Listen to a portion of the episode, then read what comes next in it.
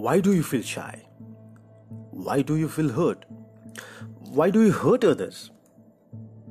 And how do you do so? Why is it so that sometimes you become happy, sometimes you become sad? And after all, why? And do you uh, exactly recognize your feelings and emotions as they happen to you? Are you aware of how others perceive you? And are you aware of how you speak to yourself? The answers lie with most mysterious, complex, and interesting aspect of human existence the mind. The most challenging dimension in human. The emotions play a significant role in shaping mind. Intelligence is, of course, significant for human life. It has been proved several times. But then, emotional intelligence, nevertheless, has now emerged as the significant area of human life, society, and workplace. So, we got two aspects one is intelligence, and another is emotionality, and both can be measured today. Intelligence, the measurement of intelligence is given through IQ, that is intelligence quotient, and the measurement, the quantitative, uh, you know, measurement of emotionality can be given by EQ, that is emotional quotient, which is a very nascent, very new field of study in science, the science of emotional intelligence. So uh, the debate is going on IQ versus EQ. Which one is more important for human life? Some of the researchers have found that even more than IQ, your emotional awareness and ab- abilities to handle feelings, to control emotions, will determine your success and happiness in all walks of life, including family relationships. One of the researchers have shown that IQ can help you to be successful to the extent of 20% only in life. The rest of 80% success entirely depends on your EQ, that is emotional quotient. One of the studies that compared outstanding leaders with average leaders found surprisingly 90% of the difference was accounted only for by EQ the biggest indication of whether or not an individual will take the lead in their team is their EQ, even when their IQ and personality are taken into account. Leaders with well developed emotional intelligence skills are more likely to outperform targets, the goals, than those with underdeveloped emotional intelligence skills. In today's uh, contemporary industrial world, it was seen in one of the researches that 67% of attributes that employers look in employees for are emotional intelligence competencies. So it becomes very relevant to discuss emotional quotient, emotional intelligence in ongoing world. Mayer and Salovey, the fathers of emotional intelligence science, wrote in their book What is Emotional Intelligence that people high in emotional intelligence are expected to progress more quickly through the abilities designated and to master more of them. Now we will try to discuss firstly what is intelligence very briefly, then we will go to what is emotions then we will try to establish the idea of emotional intelligence. Then, what is intelligence? It is the ability to learn and to be able to recognize problems and to be able to solve problems. The acquisition, retention, and the use of knowledge is an important component of intelligence. This is the first step in intelligence that is learning to put knowledge, to put this learning into use, people must be able to identify possible problems in the environment that need to be addressed. So, this becomes the second step in intelligence after learning, recognizing problems. Then, ultimately, once you have learned the uh, once you have learned the uh, problem once you have uh, recognized the problems now you will be trying to solve the problems and this is the target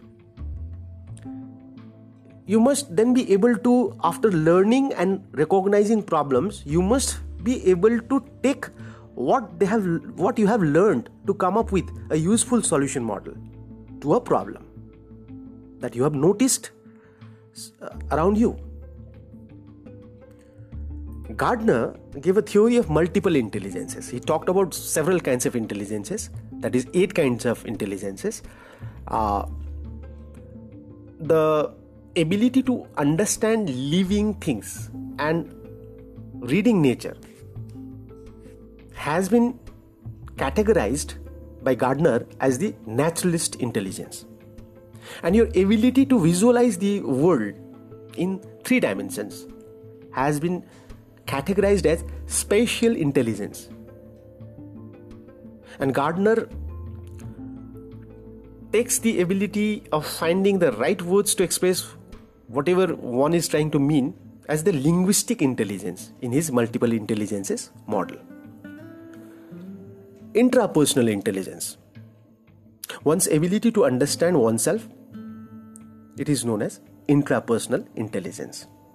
The ability to sense other people's feelings and motives has been categorized as interpersonal intelligence. Then comes logical or mathematical intelligence, which helps you quantify things, making hypotheses and proving, proving them, finding the relationships between the uh, natural objects, physical bodies, movements, and all. This is all about logical intelligence. Then comes your ability to appreciate uh, uh, sound, music, rhythm, pitch, tone. This is musical intelligence. And the last kind of intelligence that has been categorized by Gardner in multiple intelligences theory, it is bodily or kinesthetic intelligence that helps one coordinate with the mind and the body. So we get eight kinds of intelligences in multiple intelligences model of Gardner.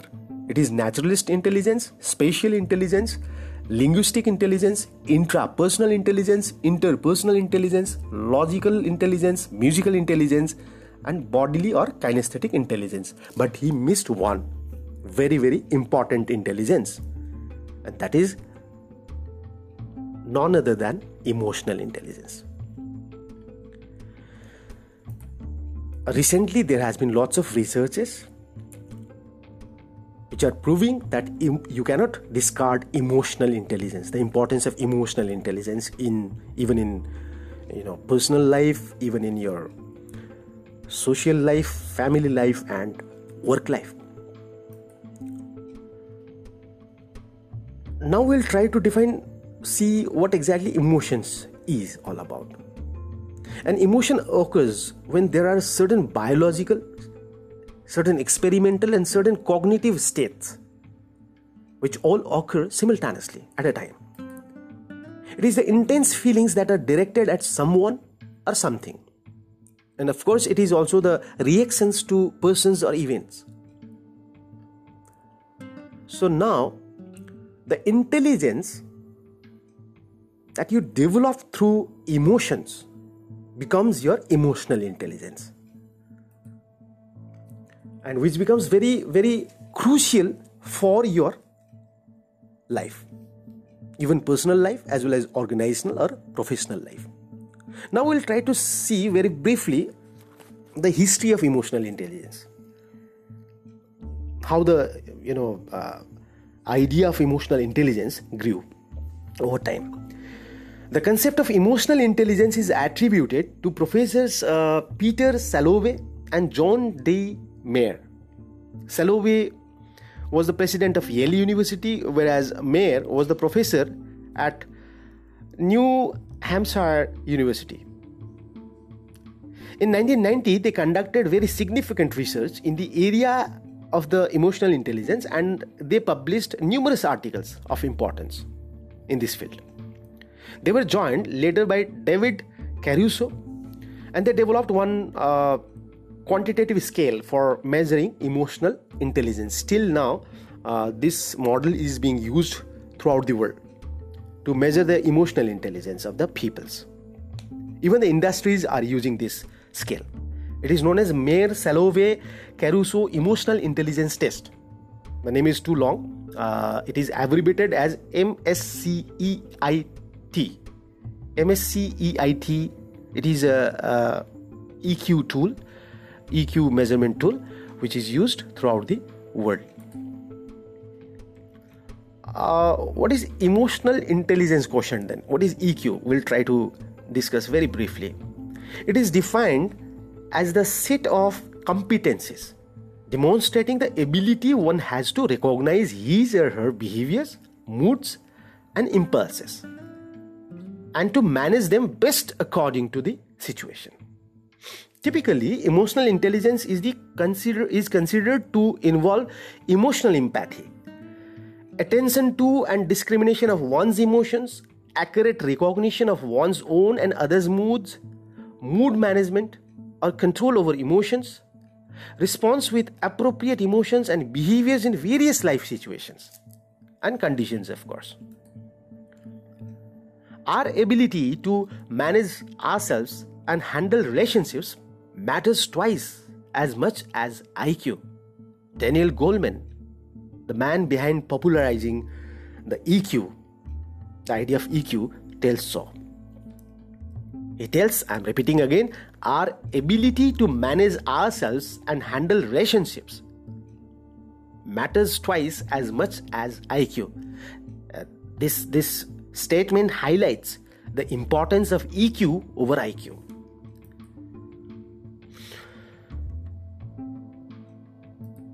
Then we'll try to define right now what is emotional intelligence.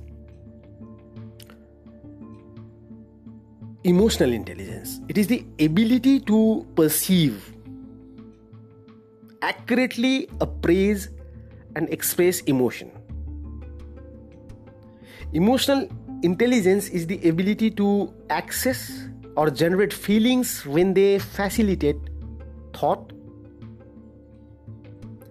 it is the ability to understand emotions and it is the ability to regulate emotions to promote emotional and intellectual growth. We got four dimensions in this definition of emotional intelligence. One is the ability of perceiving the emotions. Next, we got it is the ability to accessing emotions and feelings. And it is the thirdly we got it is the ability to understand the emotions. Firstly perceiving secondly accessing or generating the feelings and thirdly understanding the emotions and fourthly to regulate the emotions to promote emotional growth. So these four are the dimensions of emotional intelligence. David caruso one of the prominent figures in the field of emotional intelligence he defined emotional intelligence in his own way. It is very important to understand that emotional intelligence is not the opposite of intelligence. It is not the triumph of heart over head. It is the unique intersection of both. He tried to tell us that it is the emotional intelligence is something which is uh, you know breeze between heart and mind. Mayer and Cobb, whereas they defined the emotional intelligence in their own way. The ability to process emotional information, they defined it so. It is the ability to process emotional information, particularly, it involves the perception, assimilation, understanding, and management of emotion. So basically, we get uh, flatly four different uh, dimensions in emotional intelligence. One is perceiving emotions. Another is managing your emotions. Another dimension understanding emotions. And lastly very importantly using emotions. Way to use what kind of emotion. So i'm repeating again there are four basic dimensions in emotional intelligence. One is perceiving emotions, managing emotions, understanding emotions, and using emotions. Now we will discuss the elements of emotional intelligence. What are the elements, inherent elements? And this is also known as the uh, model of emotional intelligence. Uh, flatly, the emotional intelligence has been divided into two parts. One is personal competencies, and another is social competencies. That's why we we define this model as even as emotional intelligence competency model. We divide the emotional intelligence into two competencies emotional intelligence competency into two competencies two kinds of competencies. One is personal competen- competency and another is social competency under personal competencies we get uh, self awareness managing emotions and motivation. These three as the parts constituent parts of personal competencies. Whereas we get empathy and social skills as the social competencies. Then what are these? Like we'll discuss one by one. Under personal competency we get firstly the self awareness it's all about knowing one's internal states preferences choices resources and intuitions and what is all about managing emotions under personal competency. It is managing one's internal states, impulses, and resources. And what is motivation? Emotional tendencies uh, that guide or facilitate reaching your goals. So, these are the personal competencies self awareness, managing emotions, and motivation. Then, what about empathy and social skills that are there in social competencies of emotional intelligence competency model? Empathy is the awareness of others' feelings, needs, and concerns, whereas social skills is uh, it's a quality to adapt in social situations. So, what we see is flatly we get the two aspects, two dimensions. One is internal dimension of emotional intelligence, and another is external dimension of emotional intelligence. The internal uh, part is personal competencies, and external part is social competencies. So now we will conclude here by uh, coming to coming down to EI competency model of Daniel Goleman. Uh, Daniel Goleman uh, gave four different components inside the emotional intelligence domains. One is self awareness that we already discussed. Then comes self management in his model. Then social awareness and relationship management. So, Goleman gave four models. One is self awareness, another is self management, another is social awareness, and the last one is relationship management. Under self awareness, the elements that were there given by Daniel Goleman are emotional self awareness. Under self management, emotional self control, adaptability, achievement orientation, and positive outlook. These are the elements under self management. The elements under social awareness are empathy and organizational awareness. Uh, Goleman's uh, uh, emphasis was more on organizational emotional intelligence.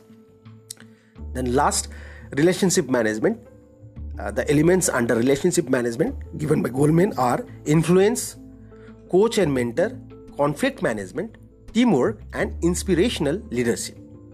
So these are the Daniel Goleman's components inside EI competency model.